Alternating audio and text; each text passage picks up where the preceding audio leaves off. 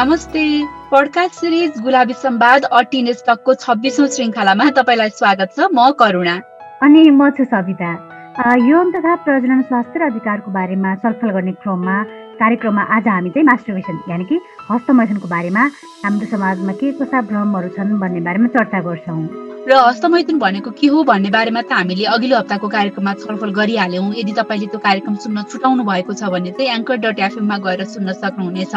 र त्यही यौन सन्तुष्टिको प्राकृतिक माध्यम अर्थात् हस्तमैथुनको बारेमा चाहिँ के कस्ता भ्रमहरू अन्धविश्वासहरू चाहिँ हाम्रो समाजमा छन् त भनेर चाहिँ आज हामी छलफल गर्दैछौँ। अनि करुणा एकदम धेरै यो मास्टरबेसनसँग सम्बन्धित एकदम धेरै सुनिने एउटा भ्रम मध्ये चाहिँ सधैँ मास्टरबेसन हस्तमैथुन गर्ने मानिसको आँखा चाहिँ बिस्तारै कमजोर हुँदै जान्छ भन्ने हो कि? र मैले यही कार्यक्रमको तयारी गर्दै गर्दा केही फेसबुक ग्रुपहरूमा पनि राखेको थिएँ कि करुणा? त्यहाँ पनि धेरैजनाले चाहिँ मास्टरबेट धेरै गऱ्यो भने आँखा कमजोर हुन्छ भन्ने कुरा गर्नुभएको थियो कि? त्यही त भने सविता अब कहाँको कुरा कहाँ लिङ्क गर्छन् कि मान्छेहरूले? अब हस्तमैथुन र आँखा कमजोर हुनुमा चाहिँ कहीँ कतै पनि मेल छैन। आँखा कमजोर हुने अन्य थुप्रै कारणहरू छन् नि तर मान्छेलाई त्यसको बारेमा थाहै छैन कि? अँ भने करुणा फेरि अर्को चाहिँ मलाई एकदमै धेरै आँसु उठ्छ कि यो कुरा सुन्दाखेरि चाहिँ नियमित हस्तमैथुन गर्ने मान्छे दुब्लाउँदै जान्छ रोगी हुन्छ भन्छन् कि। तर यसमा कुनै पनि सत्यता छैन। अझ भनौँ भने चाहिँ वैज्ञानिकहरूले यसको बारेमा केही पनि पुष्टि गरेका छैनन् कि। अब हस्तमैथुनकै कारण मान्छे दुब्लाउँदैन तर हुन्छ नि हस्तमैथुन गरेर चाहिँ मैले बेकारमा हस्तमैथुन गरेछु। नगर्नुपर्ने रहेछ भनेर पछुताइराख्ने यही बारेमा सोचिराख्ने मान्छे चाहिँ यो मानसिक चिन्ताको कारणले गर्दाखेरि चाहिँ दुब्लाउन पनि सक्छ। र अब तिमीले भनेको जस्तै कति हस्तमैथुन गर्ने भन्ने विषयमा पनि व्यक्तिको यौन चाहना अनुसार चाहिँ भर पर्छ कि? तीव्र यौन चाहना भएका बेला यौन जोडी नपाउँदा वा भनौँ पाएर पनि कुनै कारणवश चाहिँ यौन सम्पर्क गर्न नमिलेको अवस्थामा चाहिँ वैकल्पिक यौन सम्पर्कको रूपमा हस्तमैथुन गरेर मन शान्त पार्ने त्यो मान्छेहरूले गर्छन्। तर अब हस्तमैथुन गर्न पनि मन लाग्ने अनि मन पनि शान्त नहुने भएमा चाहिँ मानसिक तनावको कारण चाहिँ मान्छे दुब्लाउन सक्छ। अन्यथा हस्तमैथुन गरेकै भरमा मानिस दुब्लाउने कुरा चाहिँ वैज्ञानिक रूपमा पनि प्रमाणित भएको छैन र त्यसमा कुनै पनि सत्यता छैन। हो नि। यस्ता धेरै भ्रम छन् कि यौन सन्तुष्टि हुँदैन सकिन्छ। अनि अब हस्तमैथुन गर्दाखेरि चाहिँ पछि बिहे गरेपछि बच्चा जन्मिँदैन होइन? अनि केटा मान्छेको चाहिँ लिङ्ग बाङ्ग हुँदै जान्छ। मानसिक रूपमा मान्छे बिरामी नै पर्न सक्छ भन्ने खालको धेरै भ्रमहरू छन् कि? त्यही त अब कस्तो अचम्म के सविता अब यौन आनन्द लिने सामान्य र प्राकृतिक कुरा हो हस्तमैथुन भन्ने। तर पनि अब बिहेपछि यौन सन्तुष्टि हुँदैन अरे बच्चा जन्मिँदैन अरे अझ भन्दा त बिर्य सकिन्छ अरे बिर्य सकिने कुरा हो र भने कि ल तिमी आफै भन न। त्यही त। अब यस्तो अनावश्यक र आधारित कुरालाई चाहिँ जबरजस्ती सत्य बनाउन खोज्छौँ क्या हामी मान्छेले होइन? यो त एउटा सामान्य कुरा हो होइन? अब गोप्यता कायम गरेर केटाकेटी सबैले हस्तमैथुन गर्न सक्छन्। तर यस्तो खालको भ्रमहरूले गर्दा नि करुणा झन् बढी मानसिक तनाव थपिदिने काम गर्छ जस्तो लाग्छ कि मलाई? त्यो चाहिँ एकदमै हो सविता र यही कारणले अझ भनौँ यस्तै भ्रामक कुराहरूले गर्दा मानिसमा नकारात्मक प्रभाव पर्न सक्छ कि? मानसिक रूपमा कमजोर हुन सक्छ मान्छे अनि यही कुरालाई हस्तमैथुनले गर्दा चाहिँ मानसिक रूपमा अस्वस्थ भइन्छ भनेर चाहिँ मान्छेले भ्रमको रूपमा चाहिँ त्यही कुराहरू बाँड्दै अरूलाई सिकाउँदै पनि जान्ने गर्छ। हो त नि यस्ता खालका भ्रमहरू चाहिँ धेरै नै छन् कि? तर सत्यता के हो त यसको अब हस्तमैथुन गर्दा साँच्चै लिङ्ग बाङ्गो हुने हो कि होइन? मानसिक रूपमा मान्छे बिरामी पर्ने हो कि? के हो त? अब डाक्टर प्रभात रिजालको कुरा सुनौ न त। उहाँ के भन्नुहुन्छ? हुन्छ सविता। म डाक्टर प्रभात रिजाल हाल all India institute of medical sciences AIIMS ऋषिकेशमा MD internal मेडिसिनमा रेजिडेन्सी गरिरहेको छु। पहिलो जुन भ्रम छ हस्तमैथुनको कारणले गर्दाखेरि बाँचोपन हुन्छ बिर्य सकिन्छ। यो प्रश्न धेरैले मलाई सोधिराख्नुहुन्छ। यो एकदमै गलत कुरा हो। किनभने एकपटक हस्तमैथुन गर्दा औसतमा चारदेखि पाँच एमएल वीर्य स्खलन हुन्छ भने त्यो चारदेखि पाँच एमएल वीर्यलाई फेरि शरीरले बनाउन अथवा जम्मा गर्नको निम्ति मात्र चौबिसदेखि अडचालिस घन्टा लाग्छ। भनेपछि हामीले जति वीर्य स्खलनको वीर्य हस्तमैथुन गरेर निकाल्छौँ त्यति एमाउन्ट चाहिँ निकट समयमा नै रिप्लेस हुने भएको कारणले गर्दाखेरि चाहिँ हस्तमैथुनले जुन बाँझोपना गराउने अथवा स्पम काउन्टमा इफेक्ट गर्ने भन्ने कुरा त्यो गलत हो। अर्को जुन अफवाह छ हस्तमैथुन गर्दै जाने मानिस दुब्लाउँछ दुब्लाउँदै जान्छ रोगी हुन्छ कमजोर हुन्छ। यो पनि गलत कुरा हो। केही समयको लागि अथवा ट्रान्जिएन्ट विकनेस कमजोरी हुनु त्यो सामान्य कुरा हो। किनभने हस्तमैथुन पनि एक किसिमको एक्सर्साइज हो जसमा मांसपेसीहरूको मसल तथा हातको मसलहरूको पनि युज हुन्छ। मसलहरू खुम्चँदा कन्ट्याक्ट गर्दा निश्चित मात्रामा क्यालोरी पनि बन्द हुन्छ जसको कारणले केही समयको निम्ति कमजोरी रहन्छ। जसरी सामान्य रूपमा शारीरिक सम्बन्ध राख्दा पनि शारीरिक सम्बन्धको तुरन्त केही समयपछि मान्छेलाई केही समय अलिकति कमजोर भएको महसुस हुन्छ। त्यसै गरी नै कमजोरी चाहिँ केही समयको लागि हुनसक्छ। तर यो चाहिँ सामान्य एक्सर्साइज गरेपछि हुने कमजोरी हो। यसको लङ टर्म इफेक्ट केही पनि रहँदैन। हस्तमैथुन गर्दै गर्ने मानिसको बिस्तारै आँखा कमजोर हुँदै जान्छ भनेर पनि एउटा अफवाह छ समाजमा। यो पनि नितान्त गलत हो। कहिलेकाहीँ के हुन्छ भन्दा हस्तमैथुन गर्दा जुन हाम्रो नर्मल सर्कुलेसनको जति रगत चाहिँ सामान्य रूपमा लिङ्गमा जाने गर्दछ। हस्तमैथुनको बेला चाहिँ उत्तेजनाको निम्ति त्योभन्दा धेरै रगत चाहिँ जाने गर्दछ। जसको कारणले गर्दाखेरि शरीरको अन्य भागमा जाने रगत अलिकति लिङ्गतर्फ मोडिँदाखेरि अलिकति चक्कर लागे जस्तो हुने अलिकति आँखा धिलमिल धिलमिल भएको जस्तो हुने चाहिँ हुनसक्छ। त तर यो चाहिँ लङ टर्म इफेक्ट केही पनि होइन। यो पनि ट्रान्जियन्ट इफेक्ट मात्रै हो। र यो पनि सधैँभरि हुँदैन।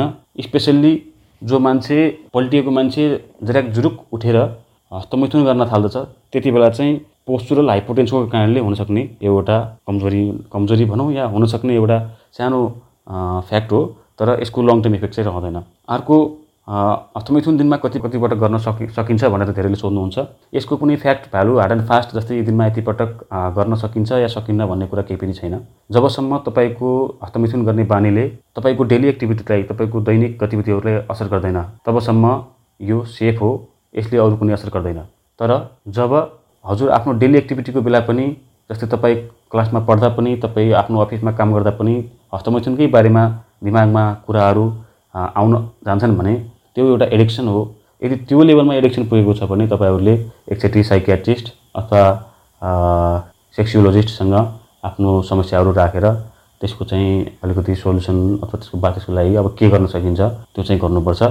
अन्यथा सामान्यतया जुन म्यास्टरबेसन अथवा हस्तमैथुन हामी गर्छौँ त्यसको साइड इफेक्ट भन्दा पनि यसले अझ स्ट्रेस रिलिभ गर्ने निन्द्रा लगाउने अनि आफ्नो कन्फिडेन्स बढाउने काम गर्छ। भने जुन महिलाहरू हुनुहुन्छ महिलाहरूमा चाहिँ जुन महिनावारीको बेला जुन तल्लो पेट दुख्ने समस्या छ त्यो एउटा कम हुन्छ। र जुन अलिकति उमेर ढल्किँदै जानुभएका महिलाहरू हुनुहुन्छ उहाँहरूको चाहिँ जुन यौनीमा रहेको सुक्खापना र जुन सम्पर्क गर्दा हुने जलन त्यसलाई चाहिँ हस्तमैथुन गऱ्यो भने त्यसले त्यो समस्यालाई पनि अलिकति कम गराउने गर्दछ। र जुन इरेक्टाइल डिस्फङ्सन हुने चान्स हुन्छ त्यो इरेक्टाइल डिस्फङ्सन हुने चान्स पनि हस्तमैथुन गर्ने मान्छेमा एकदमै हस्तमैथुन सम्बन्धी हाम्रो समाजमा अझ भन्दा हामीमा रहेका भ्रमहरू र सत्यताहरू के के हुन् भन्ने बारेमा सरल रूपमा बुझाउनु भएकोमा डाक्टर प्रभात रिजाललाई धेरै धेरै धन्यवाद। हस्तमैथुन सामान्य र प्राकृतिक रूपमा चाहिँ यौन आनन्द लिने प्रक्रिया हो र सबैले आफ्नो जीवनको कुनै न कुनै समयमा चाहिँ हस्तमैथुन गर्ने गर्छन्। र अझ भन्दाखेरि चाहिँ हरेक मान्छेसँग हस्तमैथुनको एउटा मिठो अनुभूति हुन्छ भनेर चाहिँ विभिन्न रिसर्चहरूले पनि देखाएको छ। यसको मतलब चाहिँ सबै मान्छेले आफ्नो जीवनको कुनै न कुनै समयमा केटा अथवा केटी अथवा लैङ्गिक तथा अल्पसङ्ख्यक समुदायका व्यक्तिहरू होइन सबैजनाले चाहिँ हस्तमैथुन गर्ने गर्नुहुन्छ। अपवाद होला कसैले गर्नुहुन कसैलाई मन पर्दैन। तर हस्तमैथुन चाहिँ प्राय मान्छे गर्ने गर्छन्।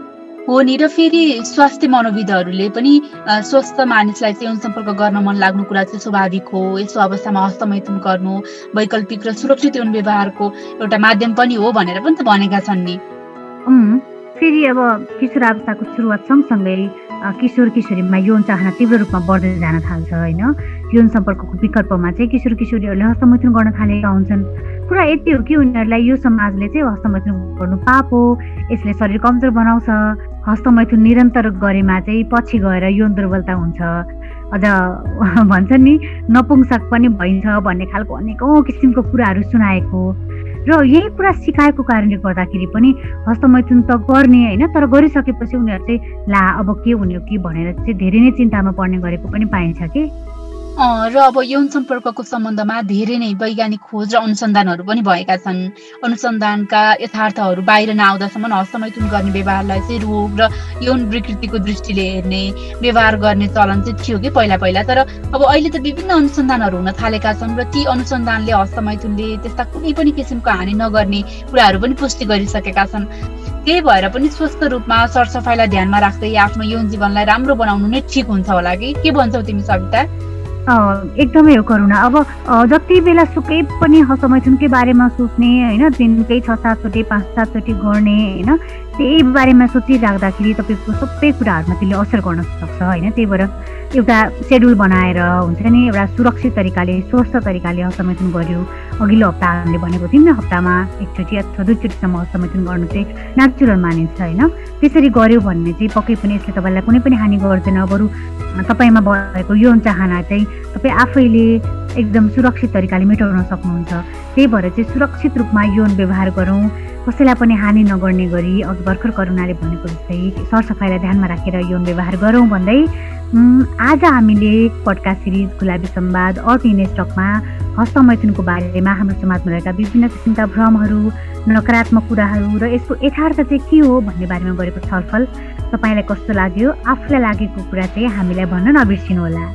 र आफूलाई लागेको कुरा हामीलाई भन्नको लागि हाम्रो इमेल ठेगाना रहेको छ Gulabi Sambad at Gmail dot com G U L A B I S A M B A D Gulabi Sambad at Gmail dot com yes email ठेगानामा आफ्ना लागेका कुराहरू चाहिँ लेखेर वा रेकर्ड गरेर हामीलाई पठाउन सक्नुहुनेछ।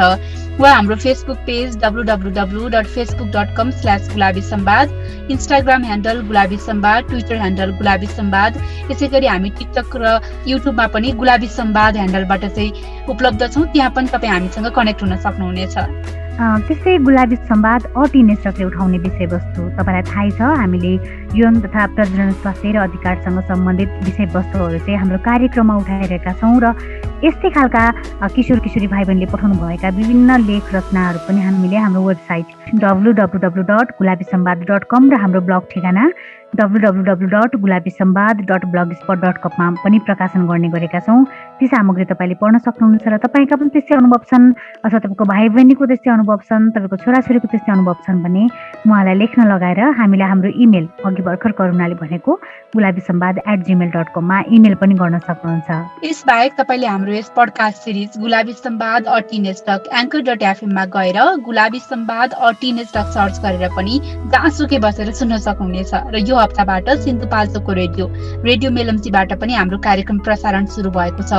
तपाईँले रेडियो मेलम्ची एक सय सात दशमलव दुई मेगाहर्जबाट हरेक हप्ता कार्यक्रम सुन्न सक्नुहुनेछ र यो सँगै तपाईँले देशभरिका अठाइसवटा रेडियो स्टेसनबाट कार्यक्रम सुन्न सक्नुहुनेछ। अहिले तपाईँले कुन रेडियो वा कुन अनलाइन प्लेटफर्म मार्फत हामीलाई सुन्दै हुनुहुन्छ त्यो भन्न नभुल्नुहोला भन्दै आजको लागि गुलाबी सम्वाद अर्टिनेस्टकको छब्बिसौँ श्रृङ्खलाबाट। सविता र करुणा विदा माग्छौ नमस्ते। अर्को श्रृङ्खलामा पुनः भेट्नेछौँ।